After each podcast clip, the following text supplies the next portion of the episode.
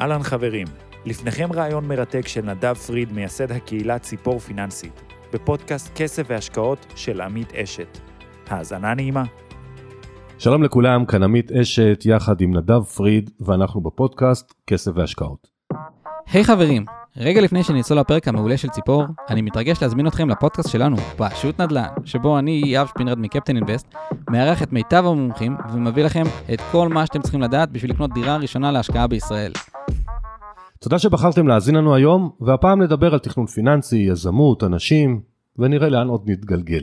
שלום נדב. אהלן, צהריים טובים. אז נדב הוא בן 30, והמשרד בירושלים, אז עשיתי טיול בזכותו לירושלים. הוא יזם סדרתי, מתכנן פיננסי, ומייסד קהילת ציפור פיננסית. נדב הספיק הרבה מאוד אה, יחסית לגילו הצעיר, ולדעתי יהיה מאוד מאוד מעניין לשמוע ממנו, ללמוד, ולכם המאזינים היותר צעירים, אני מקווה שתהיה כאן הרבה הרבה השראה. וכרגיל חלק מהשאלות מגיעות מהראש שלי, אבל הרבה מאוד מחברי קהילת כסף והשקעות בפייסבוק, ומחברי מועדון כסף והשקעות, ואני מקווה שאתם תענו, כי אנחנו הולכים ליהנות. אז אנחנו נתחיל, ואני אתחיל בשאלה שמסקרנת אותי. אתה התחלת לעסוק ביזמויות ועסקים בגיל מאוד צעיר. השאלה שלי, מאיפה באו לך הרעיונות לעסקים, ומאיפה האומץ להתחיל בגיל צעיר וצעיר, אני לא יודע אפילו בין כמה, אבל לפי מה שעשית, אני מעריך בערך 20 או לפני אולי. אז לפני שמתחילים אני חייב גילוי נאות, בתחילת דרכי הפיננסית אה, חיפשתי מקורות ידע כמו ספרים, קהילות פייסבוק ופודקאסטים, והפודקאסט שלך עמית היה הפודקאסט היחיד ששמעתי וקיבלתי ממנו הרבה מאוד מההשראה והידע שיש לי היום אז קודם כל אני שמח להיות פה ושנית זו אחלה של סגירת מעגל.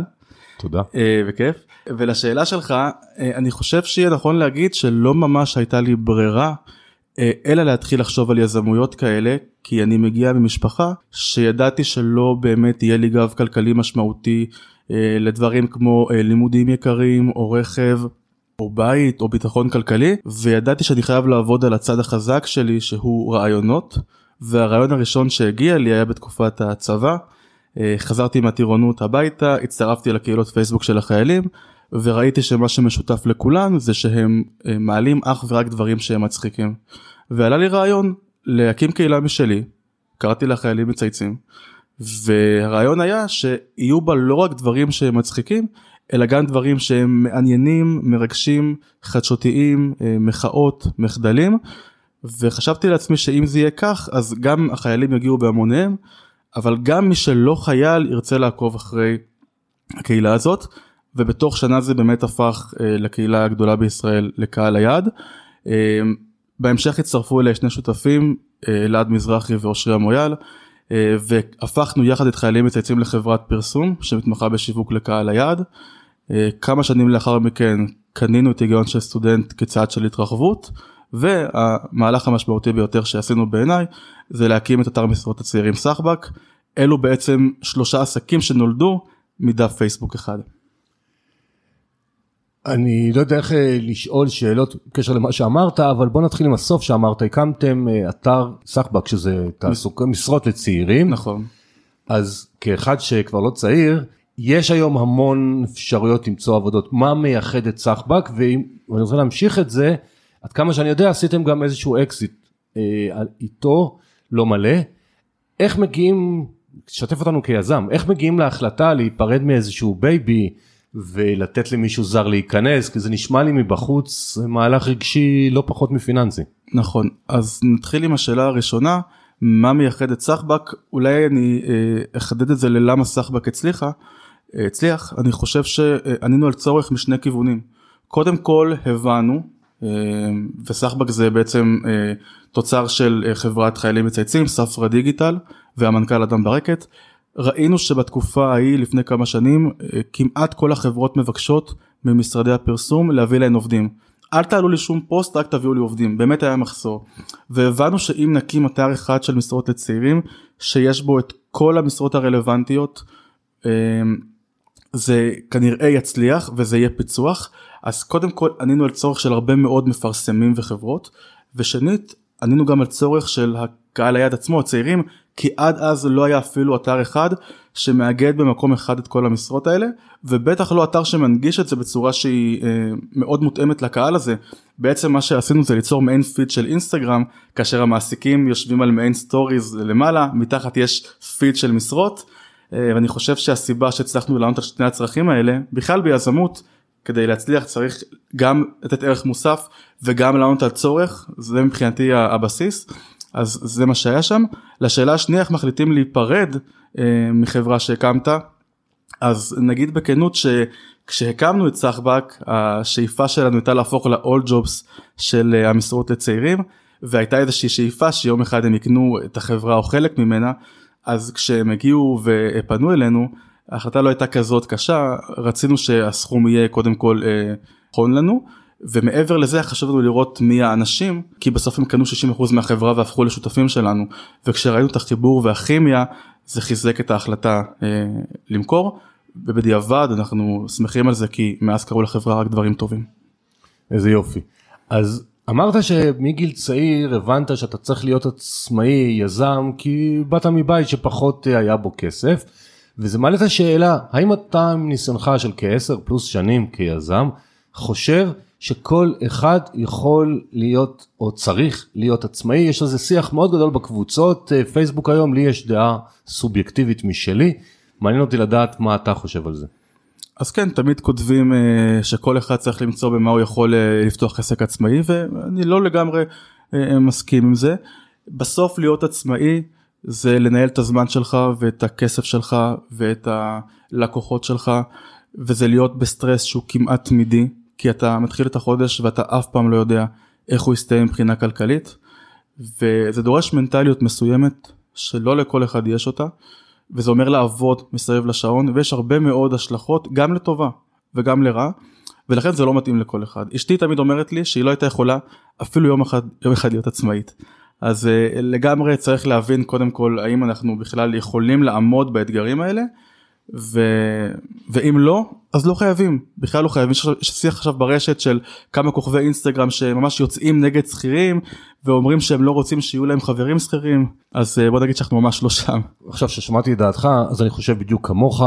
אה, הייתי 20 שנה שכיר היום אני כמה זה יוצא? איזה 12-13 שנים עצמאי אז אני מכיר את שני העולמות והייתי שכיר בכיר כאילו באמת בתנאים טובים. אה, ובאמת זה לא מתאים לכל אחד, כי למשל הזכרת אה, ולטפל גם בלקוחות, אבל לא אמרת את המילה הטריוויאלית, את השיווק כדי להביא את הלקוחות.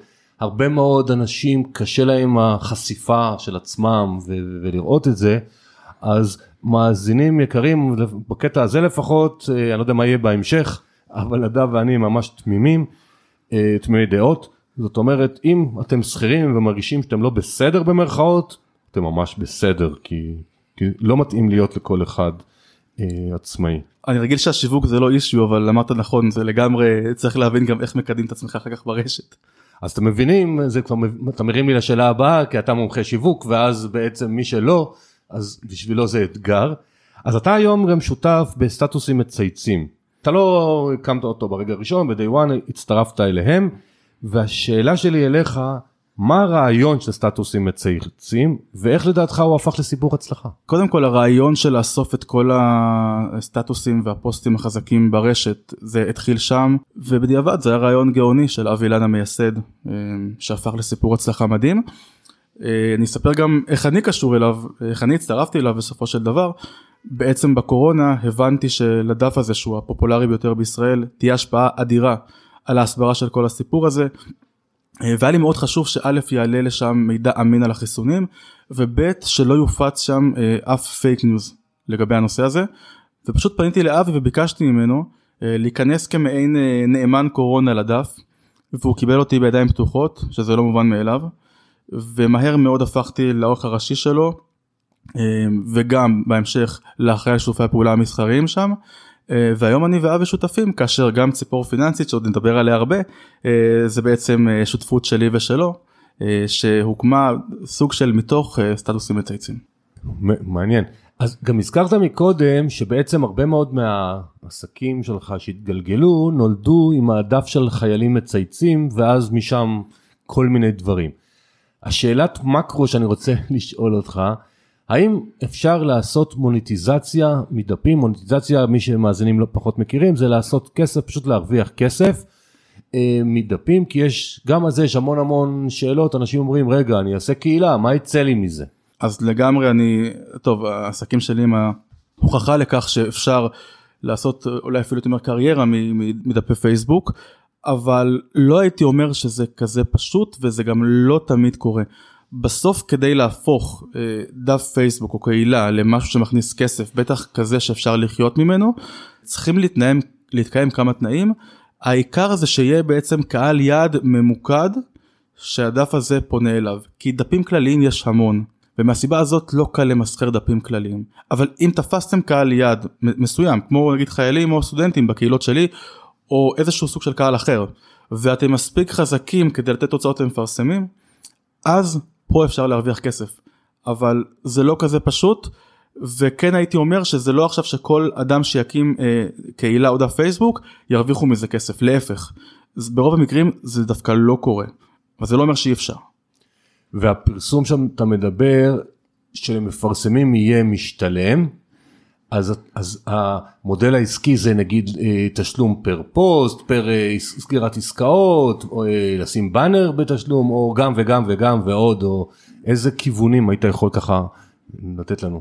בגדול ברגע שקהילה או דף הם מספיק חזקים אז אפשר להראות למפרסמים נתוני חשיפה ומעורבות שהם מאוד משמעותיים ואז באמת למכור פוסט או למכור סטורי או חבילה או אפילו ריטיינר שנמשך על פני תקופה ארוכה ובגדול כן למשל חיילים מצייצים אה, אה, הפכה לסיפור מצליח כלכלית כי הרבה מאוד חברות רצו לפרסם לקהל היעד הזה ולא ממש היה איפה עד שהקמנו אותו. וברגע שהקמנו אותו באו חברות שהן אפילו מהגדולות במשק ואמרו אוקיי אני רוצה לפרסם לחיילים מה אתה יכול להציע לי? ובעצם התחלנו לעבוד עם כל החברות האלה שחלקן הגדול לקוחות שלנו עד היום. איזה יופי איזה יופי. אז זה מוביל אותי עכשיו אה, יחסית אה, מהר מדי אה, בשיחה שלנו לציפור פיננסית. מקודם הזכרת שאם אתה רוצה קהלים אתה צריך להיות ייחודי אתה צריך שיהיה לך איזשהו סיפור מעניין, לא להיות כמו כולם. ומצד שני, לא מזמן, לפני כמה חודשים, אנחנו מקליטים את הפרק בינואר 24, מי שמאזין לנו. אה, לפני כמה חודשים הקמת ציפור פיננסית, שזה אפשר להגיד שזה האוקיינוס אדום שיש, כי יש מלא קהילות פיננסיות. מה, מה הטריגר? מה, מה היה שם? קודם כל, אני אישית כמתכנן פיננסי הייתי שותף, אה, לא שותף, הייתי מגיב ומשתתף בהרבה מאוד אה, קהילות פיננסיות אה, ונותן תשובות לאנשים. ובשלב מסוים אמרתי לעצמי כאילו אני חייב להקים קהילה משלי. ועלה לי רעיון לפתוח קהילה שנקראת ציפור פיננסית. פניתי לאבי ואמרתי לו בוא נקים את הקהילה נקדם אותה דרך סטטוסים מצייצים. מי היה מאמין שחצי שנה לאחר מכן שזה היום אנחנו על כמעט 140 אלף עוקבים. תראה דבר כזה לא היה מעולם בפייסבוק הישראלי וראיתי הרבה דברים. ואם חלק מהשאלה זה מה סוד הקסם ומה מבדיל אותם מקהילות אחרות אז קודם כל אני חושב שלראשונה הנגשנו את הנושא הזה של הקהילות פייסבוק הפיננסיות להמונים כי עד אותו רגע רק מי שהתעניין או הכיר את הנישה הזאת היה בקהילות האלה. והבאנו הרבה מאוד קהל חדש שלא הכיר את התחום ורואים את זה ממש בקהילה עם השאלות, עם התגובות, עם מה שאנשים אומרים. אמ, אז זה האיחוד הראשון, זה קהל שהוא טיפה שונה. האיחוד השני זה שממש קודם כל יש את הקידום של סטטוסים מצייצים מאחורי זה ואי אפשר להתעלם מזה שכשיש לך מנוע של מיליון עוקבים אתה צומח אה, חזק ומהר. אה, האיחוד השלישי זה קבוצה של מנהלים שמיניתי ממש מהרגע הראשון שבחרתי בפינצטה כל אחד מומחה לתחומו אם זה שוק ההון פנסיה נדל"ן זה ממש רשימה של מומחים ומנהלים שמינינו וזה בעצם מוודא שקודם כל הסיפור הזה יתנהל בצורה טובה כי זה מאות פוסטים לאשר ביום זה, זה חתיכת עבודה. ומעבר לזה זה גם להגיב לכל שאלה ולתייג מומחה רלוונטי ואנחנו עובדים מאוד קשה אני והמנהלים שלי שאני רוצה לתת להם מילה טובה פה הם פשוט נותנים את הנשמה מהרגע הראשון בהתנדבות וזה מדהים. אז זה דבר שלישי. הדבר הרביעי שהייתי אומר שמבדיל את הקבוצה זה כל מיני טרנדים אה, משמעותיים מאוד שהיו במהרגע הראשון.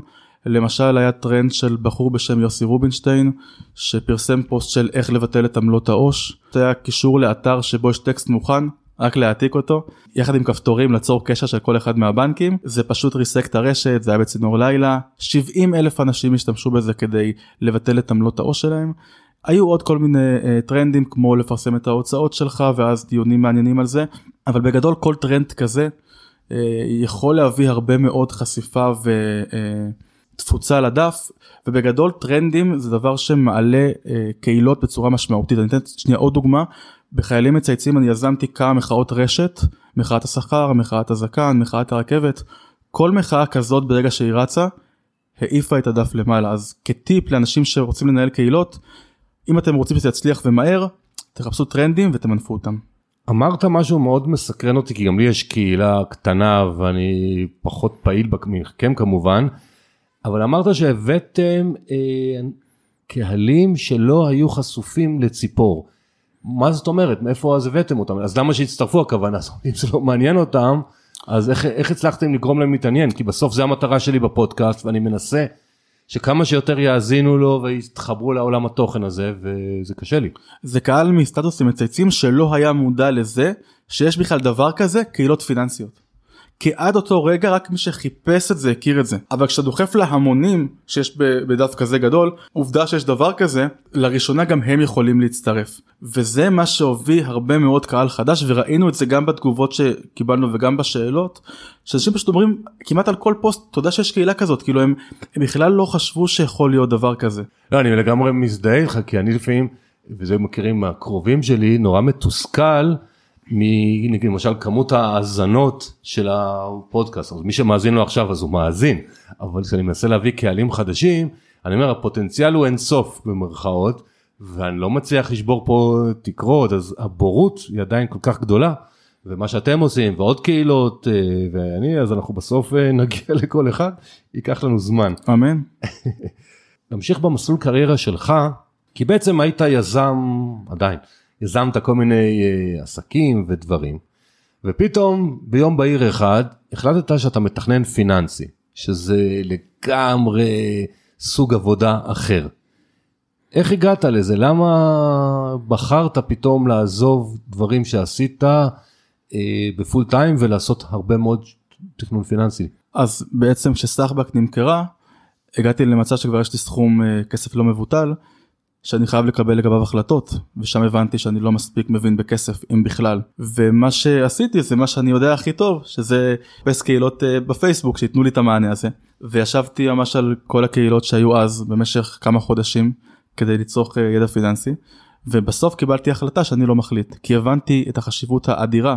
וזה מסר שאני גם רוצה מאוד להעביר היום בפודקאסט של לקחת איש מקצוע אנשי מקצוע כדי לקבל החלטות שהן גורליות לעתיד כלכלי של משפחה. והבנתי שעל סכומים כאלה אני לא יכול לקחת את האחריות הזו לבד. והלכתי לאדם בשם הראל קולדן, שהתראיין פה גם אה, בפודקאסט, אה, שהוא מדהים, ושם בחדר הבנתי שהמקצוע הזה הוא הייעוד שלי. אחרי כל פגישה אשתי הייתה אומרת לי, נדב, אתה פשוט חייב לעסוק בזה, כי ראתה את התשוקה שיש לי אה, לתחום, ואחרי הפגישה האחרונה באמת החלטתי שאני מאותו רגע פשוט לומד את התחום ברבק, אה, עשיתי קורס כלכלת המשפחה אה, של בר אילן, אני מסיים CFP ממש בקרוב, שזה ההכשרה הרשמית והבינלאומית היחידה לעיסוק בתכנון פיננסי, וכן היום אני עוסק בזה ונהנה מכל רגע, אז הסיפוק ושליחות אדירים לשבת עם משפחה ולעזור להם לתכנן ולמקסם את העתיד הכלכלי. זה סיפוק אני מסכים איתך כאחד שעוסק בזה כבר כעשר שנים עוד לפני שהיה לימודים בארץ אפילו על זה. אה, כשאתה מקבל אחרי שנתיים שלוש אה, פתאום איזה הודעה או שאתה רואה איזשהו פוסט עשינו ככה וככה ואתה יודע מאיפה הם התחילו זה כמו שאיזה לקוחה שלי שבערך שנתיים לא דווקא היא פרסמה איפשהו שהיא קנתה נכס וזה כאילו במקום ציבורי ואני יודע מאיפה היא באה זה, זה כזה התרגשות שמחה. לגמרי. אני רוצה להיות, להיות במקרו כי במסגרת התסכול שלי שאיך אנחנו אנחנו כל האנשים שרוצים אה, פיננסים ולעזור לאנשים, עדיין יש בציבור בורות. אני מרגיש הרבה פעמים שבקבוצות הפיננסיות, אה, ולא משנה אם זה אצלכם ואחרות, אצלי, הרבה פעמים אותם אנשים מגיבים, ואני קורא לזה, הייתי פעם בכנס סוכני ביטוח, אה, וכל העולם הזה, יצאתי משם, שאלו אותי איך היה? אמרתי להם נהדר, המשוכנעים שכנעו את המשוכנעים שכמה הם צודקים וכמה הם בסדר אבל זה לא מעניין תגיעו לקהל חדש מה אתם מספרים לעצמכם סיפורים ומבסוטים מעצמכם. מה, מה אנחנו יכולים לעשות, או בואו נבקש משהו מהמאזינים שלנו, נניע אותם לפעולה איכשהו. איזה רעיון יש לך שדבר הבשורה שכל אחד יכול לשפר את מצבו, הגיע לעוד אוזניים. תראה, בקהילה אני משתדל מאוד להגיב כמעט על כל שאלה שהיא הרת גורל ומשמעותית על חיים פיננסיים של משפחה, אני כותב שאני ממליץ בחום לגשת למתכנן פיננסי ואני מספר שהתפקיד שלו זה לעזור למפות את המצב הנוכחי, ללמד על כסף והשקעות ולבסוף, ולבסוף גם לעזור לחלק את ההון לאפיקי השקעה בהתאם לצרכים, הרצונות והמטרות. וזו שליחות של ממש שאני לוקח על עצמי כי אני יודע גם כמתכנן וגם כמתוכנן כמה אדירה ההשפעה של לקבל החלטות נכונות בתחילת הדרך הפיננסית גם על אה, נדל"ן וגם על שוק ההון וגם על אה, נושא של הפנסיה. ופשוט משפחה שתעשה תהליך כזה ומשפחה שלא ההבדל בינן יהיה כנראה לפחות כמה מיליוני שקלים עד הפרישה. אז מבחינתי זה לגמרי שליחות אה, לקדם את הרעיון הזה. המודעות למקצוע הזה מתכנן פיננסי היא לא גבוהה היום בישראל. אני לוקח על עצמי אה, לקדם אותה. ומה עושים עם המנטליות שלנו כישראלים? אני אומר שלנו כי גם אני לפעמים חוטא בזה, כבר פחות מבעבר, אבל זה הגיל. שבאים ואומרים לך אבל יש הכל בחינם, למה שאני אשלם למישהו? יש לי קבוצות פיננסיות, יש סרטוני יוטיוב, לקחתי אולי במקרה הטוב מישהו קנה קורס דיגיטלי ב-300 שקל או ב-200 שקל והוא מרגיש שהוא יודע הכל. זה משהו מנטלי, אני, למה שאני אשלם? יש את הכל בחינם. איך אתה מצליח להתגבר על ההתנגדות? אז זהו, שבטח עכשיו גם כשאני אומר את הדברים האלה, אנשים אומרים לעצמם, בטח שהוא יגיד אה, ללכת לאיש מקצוע כזה, הוא עוסק בזה. אבל בפועל אני יכול להגיד שגם אני, כשהייתי במקום אותם אנשים בתחילת דרכם, אני הלכתי למתכנן פיננסי. אה, זה אתגר, כי אנשים אה, לא אוהבים לשלם על ייעוץ, תמיד אומר את זה בפודקאסט, אני כאמור מאזין הדוק.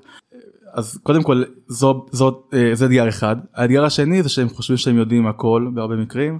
אה, האתגר השלישי הוא שבסוף בתכנון פיננסי עכשיו משלמים אבל את הפירות קוצרים רק אחרי הרבה מאוד זמן. וזו כנראה הסיבה לכך שנגיד בכנות רוב האנשים שמדברים איתי לא סוגרים בסוף תהליך לא שחסר לי עבודה או, או משהו כזה אבל זה באמת מאוד מצער אותי וכדי לפתור את זה צריך פשוט להנגיש באמצעות קהילות פיננסיות למשל או ספרים או פודקאסטים כמו שאתה עושה גם פה את החשיבות האדירה שבלקבל את ההחלטות הנכונות בתחילת דרך הפיננסית כי אני שוב חוזר על זה כל החלטה נכונה לגבי מסלולי פנסיה דמי ניהול נדל"ן שוק ההון זה מיליונים עד הפרישה כנראה שהכמה אלפי שקלים הכי משתלמים שמוציאים בחיים זה על תכנון פיננסי עד כדי כך. כן אני פשוט טוען יש לי ממש גם אה, סרטון על זה ביוטיוב ובערוץ שלי. שצריכת חומר חינם היא דופקת אותך, או אותך, כי בסוף אתה מרגיש שאתה יודע, ואתה לא יודע מה אתה לא יודע, ואם אתה משלם למישהו, אתה רוצה לדפוק אותו במרכאות ולצרוך חומר וייתן לך כמה שיותר ערך. אני יכול לספר לך בדיוק היום בבוקר, ישבתי לא מזמן לפני כמה שבועות עם קולגה, הוא אמר לו אני רוצה להתייעץ איתך. כמה זה עולה שעת ייעוץ? הוא אמר לי לא, מה בשבילך, אני יושב איתך בחינם, בכיף. ולקחתי גם את הבן שלי, את אחד הילדים שלי, לפגישה, כי זה היה משהו מבחינתי מאוד משמעותי, רציתי לשמוע מישהו שמתמחה בתחום מסוים. הצליח לעשות לי קצת, אבל הבן שלי שינוי מאוד גדול, שלדעתי שווה ערך של מאות אלפי שקלים. והבוקר אמרתי לבחור הזה, לאיש הזה, תגיד לי מה המספר חשבון בנק שלך, אני רוצה להעביר לך כסף. אז הוא אומר לי, מה פתאום? זה... Hmm. אמרתי לא, בוא, אני רוצה. העברתי לו 2,500 שקל, והוא כתב לי זה 80 פעם במילים אחרות כמה הוא נרגש וכמה זה לא מובן מאליו אבל אמרת שמע אני, אני מרגיש שעזרת לנו כל כך הרבה שזה שווה שווה לי ולא ביקשת והכל בסדר וזה מנטליות גם לפרגן אבל גם מותר לשלם אם מקבלים ערך ואני מקווה שכולנו ביחד מי שעוסק בעולם התוכן הזה נצליח לעזור. אה, אני רוצה לצלול לכמה שאלות של תיכון פיננסי של כסף שמעסיקות מלא אנשים, למשל אחת השאלות שהמון רואים בקהילות הפייסבוק זה בנושא מגורים, בטח לצעירים יותר, האם לגור בשכירות או בדירה בבעלות, מה דעתך? אז קודם כל יש לי דירה למגורים, חשוב להגיד, אפילו שאני עוסק בתכנון פיננסי, כי אני חושב שלמקסם את האקסל זה לאו דווקא הדבר הכי חשוב בחיים, וחשוב להגיד את זה.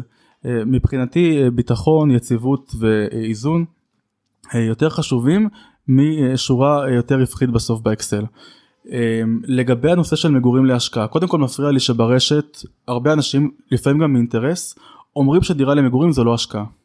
זה לא נכון, גם בדירה למגורים הערך עולה, גם בדירה למגורים הקרן של המשכנתה נשחקת ואם עושים את זה בצורה נכונה אפשר אפילו לקנות מקבלן באזור מתפתח זה גם יכול לשלב בין מגורים להשקעה. עם זאת דירה להשקעה היא לרוב מהלך שהוא טיפה יותר כלכלי כי אנחנו בוחרים את האזור שהכי יעלה בערכו אנחנו לוקחים ליווי משקיעים אני מאוד מקווה ונדבר על זה בהמשך אה, אנחנו לא מוסיפים כסף לקבלן על שינויים אנחנו לא משפצים אנחנו פחות מעצבים אנחנו גם יכולים לממש את הרווח. איך שנרצה כי אנחנו לא תלויים במקום המגורים הזה ולכן זו עסקה שהיא יותר כלכלית אין מה להגיד. ולכן היא גם כנראה יותר מתאימה לאנשים בתחילת דרכם הכלכלית שצריכים לעשות סיבוב או שניים כדי להגדיל את ההון שלהם. אגב לרוב גם אין להם ברירה כי דירת המגורים לא בהישג יד אז כדאי להם להיצמד למחירי הדיור. אה, וזה עוד טיפ שאני אתן כאן להיצמד למחירי הדיור כמה שיותר מוקדם לעלות על הרכבת אה, כשאפשר כי היא בורחת. אז לגמרי אני לא חושב שדירה למגורים זו מילה גסה אני כן חושב שבתחילת הדרך יש יותר היגיון בדירה להשקעה כשעדיין אין עוד משמעותי אבל כשמגיעים לשלב שכבר יש ילדים וזה נהיה חתיכת סיפור לגור בשכירות ולהשכיר ולשכור לגמרי אפשר אה, אה, לוותר על הדירה להשקעה ולעבור לדירת המגורים וזה לא יהיה אסון כלכלי לאף אחד. אז אני אשלים את דבריך ואני אגיד גם, גם אני גר בבית בדירה בבעלות שלנו ואנחנו מאוד מרוצים מזה. שאלת uh, המשך אז אמרנו טוב יאללה אז נגיד שאנחנו כן קונים uh, נכס למגורים דעתך עכשיו השאלה לגבי מינוף נגיד שלאדם יש את ההון העצמי הדרוש לו האם כדאי לו לקנות uh, נכס בהון עצמי או כן להשתמש במינופים סלש משכנתה בנושא של נכס זה דבר טוב. מבחינה כלכלית לקחת משכנתה מקסימלית זה תמיד הדבר היותר נכון לעשות. בואו גם נדגים בדוגמה, יש לאדם שני מיליון שקלים, הוא מתלבט אם לקנות את הנכס עם משכנתה או בלי. אם הוא יקנה אותו בלי משכנתה הוא ישלם שני מיליון שקלים, נניח שהערך יעלה בשלושה אחוזים אחרי שנה, הוא ירוויח 60 אלף שקלים, שלושה אחוזים. אם אותו אדם ייקח 500 אלף שקלים, 25 אחוז, והשאר משכנתה, מינוף מקסימלי, הוא ירוויח את אותם 60 אלף שקלים על 500 שהוא שם מהכיס. זה כבר 12 אחוז תשואה. כלומר מינוף מקסימלי מאפשר להכפיל פי 4 את התשואה שלנו ובמקביל הוא מאפשר גם להשקיע את יתרת ההון העצמי שלנו במקומות אחרים. למשל אותו אדם יכול לשים מיליון וחצי שקלים עכשיו גם בשוק ההון ולקבל גם נזילות כי שם הכסף נזיל לקבל פיזור וגיוון בתיק. זה דברים שהם מאוד חשובים. כן צריך להגיד שלמינוף יש עלות. נניח משכנתה של מיליון וחצי שקלים יכולה גם בסוף לעלות לנו בריביות מיליון וחצי שקלים אבל הרווח שנעשה במקביל באפיקים אחרים הוא הרבה יותר משמעותי. עכשיו כן חשוב להגיד שכשלוקחים מינוף מקסימלי יש תזרים שלילי כלומר השכירות שנקבל תהיה נמוכה יותר מהמשכנתה שנשלם כמעט תמיד. ולכן חשוב להבין מראש שאפשר לעמוד בדבר הזה. בדירה להשקעה בפריפריה התזרים השלילי יכול להיות באזור 500 עד 1,000 שקלים, בדירה להשקעה במרכז אפילו 2,000-3,000, ככה שחשוב להגיד לאנשים מעבר לבדיקה של ההון העצמי שלכם, שאגב הוא לא רק 25% מערך הדירה, אלא עוד בין 50 ל-100 אלף עלויות עסקה, וחשוב גם את זה לקחת בחשבון, מעבר לזה גם צריכים לוודא שאפשר לעמוד בתזרים השלילי שהנכס יגלם, אבל גם חשוב להבין שתזרים שלילי הוא לא אינדיקטור לעסקה גרועה, להפך. תזרים שלילי אומר שהעסקה ממונפת והתשואה שלנו על ההון גבוהה יותר, אם תרצה בהמשך אני גם אדגים איך מחשבים פרקטית מה יהיה התזרים השלילי אה, בנכס שקונים. אז תדגים אם אתה יכול להדגים ככה שאנשים יאזינו ויבינו אז תן דוגמה פשוטה. אני אנסה כי אני לא חושב שזה כזה מסובך בוא נדגים דירה להשקעה פריפריה 900 אלף שקלים קודם כל אנחנו צריכים לחשב בערך כמה נחזיר אה, כמשכנתה. אז בעצם אנחנו צריכים להפחית את ההון העצמי שהוא רבע מהסכום כאן זה 225 אלף שקלים נשארנו עם 675 זו המשכנתה. עכשיו נשתמש בכלל אצבע שנכון להיום של 550 שקלים החזר חודשי על כל 100 אלף הלוואה שלוקחים. אנחנו צריכים להבין בעצם כמה פעמים 100 אלף נכנס ב-675 אלף שקלים התשובה היא 6.75 את זה מכפילים ב-550 יוצא בערך 3,700 בחודש, זה כנראה יהיה החזר המשכנתה לפני עלות של ביטוחים.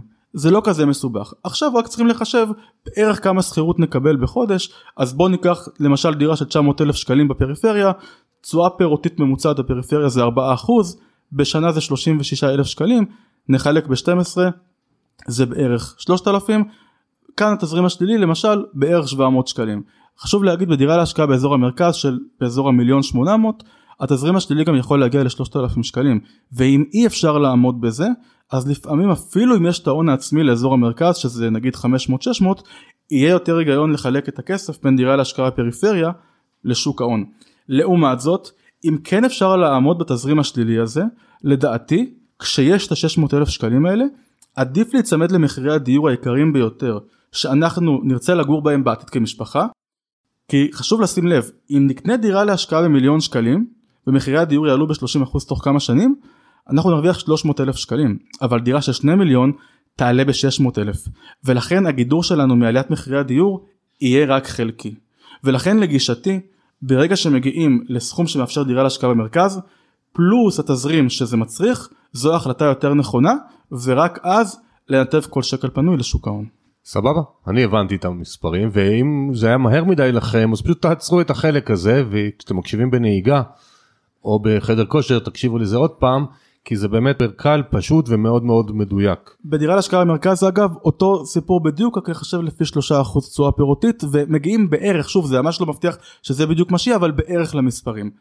שאלה הבאה אה, שאני רוצה לשאול את דעתך, יש טרנד בישראל בשנה, שנתיים האחרונות, אה, על ה-S&P 500, אנשים משקיעים שם את הקרן השתלמות, את הפנסיה, את התיק האישי, כל מה שאפשר. מה דעתך? תראה, קודם כל חורה לי מאוד, ואני מדבר על זה המון בציפור, ובפודקאסט שלנו, ובקיר שלי בפייסבוק, שאנשים לא יודעים באיזה מסלול הפנסיה שלהם, או שהם יודעים שזה מסלול כללי ולא עושים עם זה כלום. אנשים צעירים הכוונה. כי המשמעות של להיות במסלול כללי, שהוא עד 50% מניות, היא פשוט מאוד לוותר על מיליוני שקלים עד הפרישה. וכאן לא צריך להפקיד כל חודש או לעבוד יותר קשה, זה רק להחליף מסלול, וכמובן שזו לא המלצה ולא ייעוץ, כי אין לי רישיון פנסיוני, אבל ההיגיון אומר שככל שהגיל צעיר יותר, להיות במסלול שהוא מנייתי יותר. מעבר לזה יש לנו שתי אפשרויות, מניות או מחכה מדד. במסלול מניות יושב מנהל השקעות, שהתפקיד שלו זה להכות את המדד עבורנו, ולפי מחקרים 97% מהם לא מצליחים. וכל אחד מפה שיעשה את השיקול שלו אם להיות במסלול מניות או מחכה מדד, אני אישית במסלול מחכה מדד בפנסיה שלי, בהשתלמות אני, יש לי IRA אז אני מנהל לבד, אמ, אז זה החלק הראשון של התשובה למרות שזה לא בדיוק מה ששאלת. הנושא השני S&P 500 אני אישית כן מאמין בפיזור רחב יותר ולכן בתיק העצמאי שלי וגם בקרן השתלמות IRA שלי אני משקיע במדד שנקרא MSCI ACWI All Countries World Index. אה, שם הפיזור הוא אלפי מניות מכל העולם. 85% אה, מכלכלת העולם בנייר אחד שזה מדהים. אה, וזה הרבה יותר מפוזר מה-S&P 500 זה גם כולל בתוכו את השוק האמריקאי ואת ה-S&P 500 50% מאותו מדד זה S&P 500 אז אני כן חושב שעדיף לפזר כמה שיותר אבל לפעמים אין ברירה. בפנסיה וההשתלמות שלנו לא מציעים לנו כרגע ואני מאמין שזה ישתנה בעתיד מסלולים עולמיים. חוץ מחברת מנורה אבל הוא גם לא לגמרי פסיבי אני לא אכנס לזה. ולכן בעיניי המסלול האיכותי ביותר לפחות כרגע הוא ה-S&P 500 לכספים שמנהלים עבורנו. ואם אנחנו מנהלים לבד אפשר לשקול גם לפזר מעבר. סבבה. אה, אני אישית חושב שלשים את כל הכספים בדיוק באותו מסלול זה אף פעם לא נכון. אה, עוד פעם אם אתה מדבר על אה, מסלול כאילו העולמי אז נגיד שזה בסדר שגם יש לו תשואות חסר כבר הרבה מאוד שנים לא שזה מצביע על העתיד אבל בכל מקרה מה שאני מציע לכם המאזינים זה זה שכולם הולכים הכל לאותו מסלול זה עוד לא אומר שזה טוב לכם, פשוט תבינו מה אתם עושים, כמו שנדב הציע קודם. לגבי אה, השקעות נדל"ן בחו"ל, דיברנו על ישראל, שאתה מאמין שצריך להיצמד, בייחוד אם רוצים דירה למגורים. יש גם רבים משקיעים בנדל"ן בחו"ל בשנים האחרונות, אז השאלה שלי זה שתי שאלות. אחת, למי זה מתאים ולמי לא לדעתך? ואם אני אקח את זה לטיפה יותר מקרו, האם לדעתך בבניית תיק השקעות, פיזור של מטבעות הוא חשוב או לא היית מוטרד עם הכל בשקלים? אז אני רק רוצה להוסיף לנושא הקודם, שאם מסתכלים על גרף שבוחן מתי השוק העולמי הוביל על האמריקאי והפוך, רואים שזה בערך 50-50. אה, ומהסיבה הזאת שאנחנו לא יודעים מה יהיה בעתיד, זו הסיבה שאני רואה שכדאי לפזר כמה שיותר. אה, עכשיו לגבי השאלה של נדל"ן בחו"ל, אז השאלה הראשונה היא האם זה צריך להיות בכלל בתיק? האם למי זה מתאים? כי יש כאלה שעושים את זה ויש כאלה שעוסקים בזה וזה כנראה מתאים לחלק מהאנשים, מי לדעתך זה מתאים להם, למי לא, והפיזור מטבעי שזה משהו יותר רחב. תראה בעיניי זה לא מתאים לכסף ראשון. אה, כסף ראשון מאות אלפי שקלים ראשונים צריכים לשבת להיות בשני אפיקים שהם בעיניי הבסיס לכל תיק השקעות שזה דירה יחידה בישראל בגלל הטבות המיסוי והמימון ודיברנו על המימון אה, ואפשר גם לדבר תכף על ההטבות מיסוי אם זה מעניין. וגם כמובן החשיבות בלהיצמד למחירי הדיור, שוק ההון, להשקיע במניות, במדדים, כמה שיותר מוקדם, זה גם דבר שהוא קריטי. בסוף בעיניי תיק השקעות איכותי נחלק בין השניים האלה. בסוף שני הכוחות החזקים ביותר בעולם הפיננסים זה מינוף וזה קורה בנדל"ן וריבית דריבית שזה קורה בשוק ההון. נדל"ן בחו"ל זה אפיק שמתאים בעיניי לשלבים אולי יותר מאוחרים של התיק. אני אישית לא משקיע בנדל"ן בחו"ל. בתכנון הפיננסי יש שלוש גישות. אחת אומרת דירה יחידה בישראל ומשם רק שוק ההון או בעיקר שוק ההון. אני די שותף לה. יחד עם לא מעט קולגות שלי. הגישה השנייה אומרת אה, דירה יחידה בישראל ומשם רק נדל"ן בחו"ל. כי הפנסיה וקרן ההשתלמות אה, במילא מושקעות בשוק ההון, יש לי הרבה קולגות שמאמינים גם בזה. הגישה השלישית אומרת לשלב בין כולם. אני אישית חושב שכשמוסיפים לתיק נדל"ן בחו"ל וטוענים שזה בשביל פיזור, זה לא באמת יוצר פיזור, כי כמו שכבר אמרנו, בשוק ההון אפשר להשקיע ב-3,000 חברות כמעט, במדד אחד עולמי אה, עם אה, נזילות מקסימלית ופיזור מקסימלי ובסוף להוסיף לתיק נדל"ן בחו"ל אה, בהכרח מקטין את הפיזור כי אנחנו הולכים בסוף ליזם אחד ובין אם זה סינגלים ובין אם זה multi family בסוף זה נכס אחד או כמה נכסים. נכון שהתשואות בנדל"ן בחו"ל יכולות להיות גבוהות יותר משוק ההון אבל הסיכון שמתווסף לזה בעיניי לא מצדיק את זה. למי כן יכול להתאים? למשקיע בסוף אה, אה, שלבי החיים שלו, אה, בשלב שהוא כבר רוצה, או, או צעיר, אבל בשלב שהוא רוצה לקבל תזרים מהשקעה, ועדיין שהערך גם יעלה, אז נדל"ן בחו"ל יכול לתת גם 7-8% תשואה פירותית וגם עליית ערך. במצב כזה יכול להיות שאפשר להוסיף לתיק. לאדם הצעיר בתחילת דרכו, אני חושב שהוא צריך להתבסס בעיקר על נדל"ן ושוק ההון ועוד טיפ שחשוב לי אם כבר מדברים על מה מתאים ולא מתאים בתחילת הדרך לא קריפטו לא סטארט-אפים לא קרקע חקלאית ולא כל האפיקים הספקולטיביים האלה זה אפיקים שאולי מתאימים לכמה אחוזים מהתיק אחרי שהוא כבר שווה מיליונים אבל לא לכסף ראשון זה אפיקים שברוב המקרים מסתיימים פחות טוב ולמרות שאני מחזיק חלק מהם אני מציע מאוד לאנשים בתחילת דרכם להתרחק. ולגבי פיזור מטבעי, כי כשאתה מדבר איתי על לקנות מדד אה, מניות עולמי, אז חלק מהמדדים אפשר גם לקנות בשקלים מנוטרל מטבע, וחלק אתה קונה במטבע דולר, אירו, סטרלינג וכולי. מה דעתך על אה, פיזור מטבעי? תראה, מטבע ההשקעה הוא לא מטבע החשיפה. אז זה, זה שאני קונה עכשיו מדד S&P 500 או עולמי בשקלים, לא אומר שאני חשוף לשקל. להפך, ב-S&P 500 אני חשוף לדולר, בעולמי אני חשוף לסל המטבעות העולמי. ולכן המדד העולמי עונה בדיוק על הצורך שעכשיו העלית, שזה פיזור מטבעי. אה, וזו עוד סיבה למה אני כל כך אוהב את המדד הזה, ומשקיע בו בכל מקום שבו אני מנהל את הכסף שלי לבד. בא אליך זוג צעיר, צעיר לעומתי, לא... מי שלא יודע, אני בן, אה, כרגע בן 61, לא יודע מתי תקשיבו, 61 פלוס, אז לכן אני אומר זוג צעיר. הכוונה היא אזור תחילת גילאי ה-30, שניהם אנשי הייטק, אין ילדים עדיין, יש הרבה מאוד אה, כסף פנוי בחודש תזרימי. איזה שאלות אתה מציע להם לשאול את עצמם כדי שיוכלו לבנות תוכנית פיננסית אה, ראויה? תראה, אני חושב שכדאי להם קודם כל להוריד מגוגל קובץ תזרים וקובץ מאזן. התזרים, הוצאות והכנסות כדי להבין כמה חוסכים בחודש, שזה נתון שהוא קריטי כדי להתחיל לתכנן ולהבין איפה אנחנו היום. מאזן, נכסים והתחייבויות, להבין מה השווי הנקי שלנו היום. לפני שאנחנו יודעים את שני הנתונים האלה אי אפשר בכלל להתחיל לתכנן קדימה. קודם כל לבצע מיפוי מלא של המצב היום אפשר לבד ואפשר כמו שאני ואתה מעדיפים עם מתכנן פיננסי אה, ומשם בהתאם לצרכים הרצונות והמטרות אה, להתחיל לתכנן קדימה. אין בפיננסים אפילו שאלה אחת בעיניי שהתשובה אליה היא לא תלוי. לכל אחד יתאים משהו אחר ורק אחרי שאנחנו יודעים גם מי הבן אדם וגם מה הסיבולת סיכון שלו וגם מה הצרכים שלו והמטרות שלו והרצונות שלו ומה המצב שלו היום אפשר להתחיל לתכנן קדימה אז מה שאני כן מציע לאנשים זה אם הם לא הולכים לתכנן פיננסי קודם כל להבין איפה הם היום אחרי זה להבין מה המטרות שלהם ולפי זה לקבל החלטות לגבי אפיקי השקעה אבל שוב אם יש מקצוע. סיכמנו עם עצמנו נדמה לי זה היה לא יודע איפה אם זה היה בשיחות לפני ההקלטה או בהקלטה שחלק מעולם הכסף הוא גם רגשי. זאת אומרת, באים אנשים מסוימים עם פחדים או על כספים שהם הפסידו או שהם ראו בבית קושי כלכלי או הפסדים גדולים, בטח בבתים של עצמאים שפעם היה כסף בבית ופעם לא היה כסף. וזה לוקחים את זה לכל החיים. מה אתה חושב שאנחנו יכולים לעזור, אה, לא רק אתה ואני, זאת אומרת, כל מי שרוצה לעזור בצד המנטלי, איך אפשר לחזק את המנטליות, לא לפחד? כי יהיו הפסדים, יהיו הצלחות, כמו כל דבר בחיים. אז שוב, אנשי מקצוע, כשאתה מלווה על ידם אתה עושה פחות טעויות, אתה גם מבין את המשמעות של מה שאתה עושה.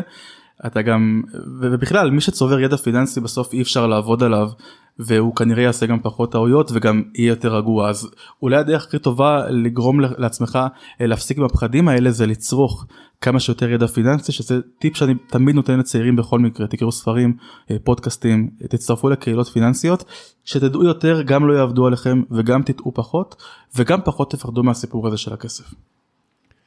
יש לי שאלה שאתה נורא לא אוהב אותה, אבל אני לא רוצה לוותר לך, ואני רוצה כן לשאול אותה. יאללה. אני עובד לפי מודל אה, שאני קורא לו מהנה, זה ראשי תיבות, מ' הראשונה זה mindset ותודעת שפע, ה' הגדלת הכנסות, נ' ניהול הכסף ותכנון פיננסי, והה' האחרון זה השקעות. אז אני רוצה לדבר רגע על ה' השנייה, המהנה, זה הגדלת הכנסות. גם היום יש כל מיני מדריכים, ואני מחלק את העולם הזה לארבע משפחות של הגדלת הכנסות. מה אתה חושב שכדאי לאנשים לשים לב, או איך הם רוצים להגדיל, ולא משנה אם הם שכירים או עצמאים, זה משנה להם כמובן, כי זה תלוי בזמן הפנוי שיש להם. אבל איך כן אפשר להסתכל על העולם הזה? כי אתה למשל אמרת, אני מדפי פייסבוק מצאתי נישה, זה לא קל, אל תחשבו שזה הלפטופ מהחוף הים באוויר עם השייק ובשעה בשבועיים אני עובד. אבל מה כן אתה יכול לתת, ולא משנה אם שמעו את זה במקומות אחרים, הקול שלך בקוף הוא משמעותי. תראה, אני פשוט לא רוצה אה, להיות קלישאתי ולהגיד אה, לשכירים לכו דברו עם הבוס, ומעבר לזה תחשבו במה אתם טובים ותעשו מזה עסק. זו עצה שהיא אולי נחמדה, אבל קודם כל צריך להבין, היא לא מתאימה לכולם. לא כל אחד יכול להיות עצמאי, לא לכל אחד יש משהו שהוא טוב בו ויכול להרוויח ממנו. בוא נגיד את האמת, זה לא לכל אחד. אה, אבל אם כבר יש לכם תשוקה למשהו ואתם כן יודעים, מניחים שאתם יכולים לעשות ממנו טוב לאנשים אחרים, אז לכו על זה ולא רק בשביל הכסף, גם בשביל הסיפוק והשליחות והתשוקה שלכם לקום בבוקר, לעשות דבר שאתם אוהבים, אפילו אם זה לא כמשרה מלאה, בסוף אה, כדי להיות מאושר בעיניי צריך לקום בבוקר ולעשות בעבודה משהו שאוהבים.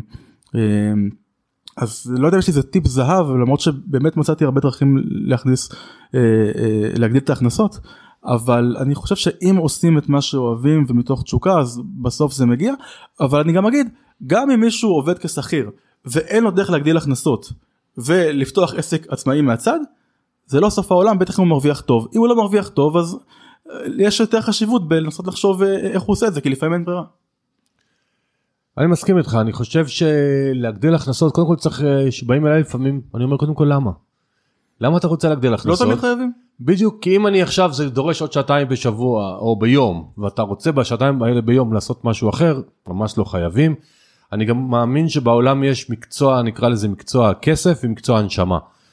צריך להתפרנס, אין מה לעשות, בצורה כזו או אחרת, אבל גם אם אתם עושים משהו שאתם אוהבים לנשמה ואולי גם ישלמו לכם עליו, זה מצוין, ואם יש לכם רעיון אה, עסקי, זה הכי טוב. וגם אם לא ישלמו, תעשו את זה בשביל הנשמה. אפילו בהתנדבות. אני עושה חלק מהתהליכים שלי בהתנדבות ואפילו לפעמים זה יותר כיף לי מתהליכים שהם בתשלום. כן זה, זה כבר גישה של אה, נתינה. אה, טוב, עשינו promotion למתכנן פיננסי, אבל בואו נדבר על מתכנן פיננסי, על יועץ משכנתאות, על עורך דין, על רואה חשבון וכולי. איך היית מציע למאזינים לבחור בעל מקצוע? קודם כל נתחיל עם טיפ, יש מלווה משקיעים שאני מאוד מעריך שכותב תמיד בפייסבוק, אה, שיום אחד איזה מגיב כתב לו, אתה לוקח את היועצים הכי טובים כי אתה מצליח. והוא ענה לו, אני מצליח כי אני לוקח את היועצים הטובים ביותר. אז קודם כל טיפ, גם אם זה עולה קצת יותר, לכו ליועצים באמת טובים, בטח בתחומים שיכריעו או, או ישפיעו על הגורל הכלכלי שלכם. למשל, מתכנן פיננסי, יועץ משכנתאות, מלווה משקיעים. כל הדברים האלה שאמרת הם סופר חשובים. אה, איך בוחרים אותם? בעיניי מחפשים קודם כל ממש טוב, מגיעים לכמה אנשים שנראים לכם, ומשם פשוט לכל אחד מהם מבקשים גם להבין מה הניסיון ומה הידע, גם לדבר עם לקוחות קודמים, זה מאוד חשוב, גם לקרוא דברים שהם כתבו, לראות שאתם אה, אוהבים, לקרוא ביקורות שכתבו עליהם, והכי חשוב, לדבר איתם ולראות שאתם מתחברים אליהם, אליהם, לתהליך שהם מציעים ולאנשים שהם. כי גם הכימיה שלכם איתם, בסוף תהיה מאוד מאוד חשובה. מה החזון שאתה רואה בעיניך בעולם הפיננסי בישראל? כי אתה איש אה, שהוכחת שאתה יודע להסתכל ולהוביל מהלכים, ואני שואל את זה גם כללית וגם מהמקום שאתה הרבה מדגיש את הנושא של צעירים. עכשיו, אני טוען שכל מי שאין לו ידע, זה הזמן ללמוד, ולא משנה אם הוא בן 53, 42, 25 או 31. אז מעניין אותי לראות, לשמוע ממך איך אתה רואה את החזון אה, של הפיננסי שאתה מנסה להוביל במקומות שאתה נמצא ובכלל. לגמרי, אז קודם כל אף פעם לא מאוחר, זה נכון. החזון שלי, החלום שלי לגבי עולם הפיננסים בישראל, זה שכל משפחה שמגיעה לרף הכניסה לנדל"ן בישראל, נניח 250-300 אלף שקלים, אפילו, אפילו אולי לפני, פשוט שתלך למתכנן פיננסי, שיעזור להם למפות המצב של היום, ילמד אותם על כסף והשקעות ולבסוף גם יעזור להם לחלק את ההון לאפיקי השקעה. אה, אני פשוט רואה אין ספור שאלות כל יום בקהילה שאני מאשר ומגיב עליהן עם נושאים כל כך מהותיים שעוסקים במאות אלפים ואפילו מיליוני שקלים ואני אומר לעצמי חוכמת ההמונים זה לא באמת מה שצריך כאן. ההמונים פה לא לכולם יש ידע פיננסי גם למי שיש הוא לא מכיר אותך הוא לא יודע כלום עליך. חסרים פה מלא נתונים שלא נתת וגם אם היית נותן זה לא מספיק כדי לתת תשובה. הלוואי שכל מי ששומע את זה יבין את החשיבות ונראה לי שחפרנו על זה היום חבל על הזמן של ללכת לאנשי מקצוע אה, בתחום הפיננסי. החלום שלי זה שהישראלים יבינו סוף סוף ש, שיש מקצועות כאלה ושזה חשוב ואני עובד קשה כדי להעלות את המודעות לזה. ו- ולאן אתה רוצה לקחת את uh, ציפור פיננסית כלומר זה שאנשים לצבור ידע הבנתי אבל יש לך עוד דברים שהיית רוצה לחבר לציבור פיננסית זאת אומרת עוד קהילות עוד קבוצות כי להגדיל ל-100 200 300 400 אלף. זה אחלה אבל בדרך כלל הרי מעורבים בסוף אותם 150 איש תלוי באיזה גודל קבוצה אז יש לך עוד מקומות שאתה רואה את עצמך מוביל אה, את הציפור אז תראה זה כבר מרגש אותי לראות שאלפי אנשים בחודש זה פשוט כמויות מטורפות. שואלים שאלות פיננסיות ומקבלים תשובות איכותיות. יש לנו רשימה של group experts שזה 30 אנשים שקיבלו tag מאיתנו שהם מומחים בתחום שהם עוסקים בו והתפקיד של המנהלים שלי שחלקם בעצמם group experts זה פשוט להגיב על כל אחת מהשאלות את המומחה הספציפי כדי שייתן אה, תשובה אה, שאפשר להסתמך עליה. הסיבה גם שעשינו את זה שאנשים יוכלו לראות מי האנשים שכדאי לסמוך על העצה שלהם. אז בסוף המטרה שלי זה שפשוט הקבוצה הזאת תגדל ותגדל והיא כבר עכשיו בקצב צמיחה מטורף של 5,000 איש בשבוע ובסוף תהיה כל כך גדולה שפשוט כל אדם בישראל יוכל לבוא ולשאול שאלה ולקבל תשובה מאיש מקצוע. זה ידרוש גם להוסיף עוד הרבה מאוד מנהלים אנחנו עושים את זה כל הזמן ועוד הרבה מאוד group experts אבל בסוף המטרה היא להמשיך עם אותה דרך של להפיץ ידע מתוך שליחות וידע ולעזור לאנשים לקבל החלטות פיננסיות יותר טובות וזה ממש קורה בקבוצה כל יום. אז כל עוקב חדש לפודקאסט שלנו של ציפור פיננסית ולקהילה שלנו בפייסבוק של ציפור פיננסית זה מבורך והלוואי שיום אחד זה יגיע למיליון עוקבים. אגב אני מבטיח לך שמתישהו זה יקרה רק השאלה היא מתי. אה, אם זה יקרה כשיהיה אוכלוסייה של 100 מיליון זה לא נחשב סתם סתם. בקצב הנוכחי זה כזה כמה שנים. מאזינים יקרים אז אם אתם לא מכירים את הקהילה של ציפור אז בוא נעשה לנדב בתור תודה על זה שהוא נתן את זמנו לשיחה תצטרפו. אז אנחנו הגענו לשאלה האחרונה ומי שמאזין לי יודע שאני בדרך כלל מבקש אה, שלושה טיפים לחיים. עם נדב החלטתי לשנות ובמקום שלושה טיפים אני מבקשתי ממנו שיכין איזושהי משנה סדורה שהוא מאמין בה של מה צריך אדם לעשות בתחילת דרכו הפיננסית. בוא נגיד קודם כל שאתה מתייחס לאדם שעדיין לא ממש עשה צעדים אה, אה, ואין לו כלום או אולי כמעט כלום. השלב הראשון בעיניי וזה ננסה לעשות פה את המדריך הכי פרקטי שיש. השלב הראשון להוריד מקובץ אה, מגוגל קובץ תזרים ומאזן. תזרים זה הוצאות והכנסות כדי להבין כמה אתם חוסכים בחודש, מאזן זה נכסים והתחייבויות, להבין מה השווי הנקי שלכם היום, בלי שני אלו אי אפשר לא להבין מה המצב היום ולא בכלל להתחיל לתכנן קדימה. שלב השני, אם יש תזרים חיובי מעולה, תנסו להגדיל אותו אפילו, תגדילו הכנסות, תגדילו הוצאות, לא תמיד חייבים. אה, אם אין לכם, אתם חייבים ליצור אחד, כי בלי תזרים חיובי אי אפשר לצמוח כלכלית. שלב השלישי, להציב מטרה, רוב הצעירים או בכלל אנשים אה, מציבים לעצמם מטרה של דירה להשקעה, אז בואו נגדיר אותה במספר נגיד 250-300 אלף שקלים. אה, זה סכום שמספיק להיכנס לתחום של נדל"ן בישראל בפריפריה עם משכנתה מקסימלית. אז תבדקו לפי הסכום שיש לכם היום וההפקדה החודשית מתי תגיעו לשם? תתחילו ליצור תוכנית גם כשתבינו מתי תגיעו לשם תוכלו להבין איפה לשים את הסכום שאתם חוסכים כל חודש. האם זה מתאים לשוק ההון כי זה טווח ארוך או שאתם יכולים להגיע תוך שנה או שנתיים לדירה ואז אולי יהיה אפילו יותר היגיון שהכסף יהיה בינתיים בקרן כספית. Uh, השלב הרביעי כשמגיעים לרף הכניסה לדירה יחידה בישראל קחו אנשי מקצוע. מי שיקח קודם כל מתכנן פיננסי שיתכנן איתו את כל המהלך הזה מאפס. ומשם מלווה משקיעים שיאתר לו את הדירה. ואחר כך יועץ משכנתאות כמעט יבטיח לעצמו שהוא לא ייפול ושוב לא ליפול פה זה הרבה מאוד כסף.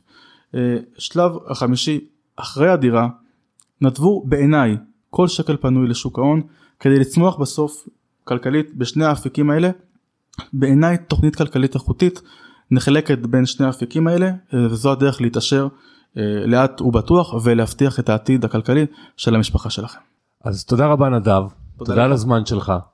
אה, מאזינים יקרים בפרטי, בתיאור הפרק יש את פרטי הקשר של נדב ותוכלו לעקוב אחריו ולהיות איתו בקשר מה שתרצו.